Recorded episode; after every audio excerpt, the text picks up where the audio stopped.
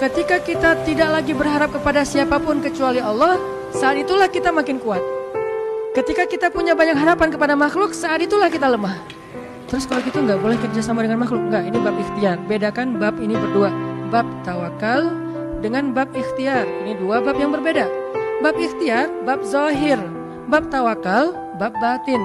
Yang kita omongin sekarang urusan bab batin.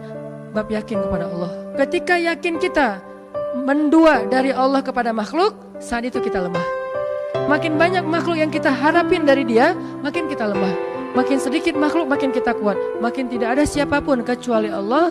Hasbunallah, itulah puncak dari kekuatan kita. Ternyata kekuatan kita biar kita woles, kuat, tenang menghadapi masalah itu bukan ketika kita berpikir masih ada yang nolongin kita di antara makhluk. Justru ketika kita berpikir udah nggak ada yang nolong, saya mah berharapnya ke Allah aja. Saat itulah menjadi kuat. Saat itulah menjadi kuat.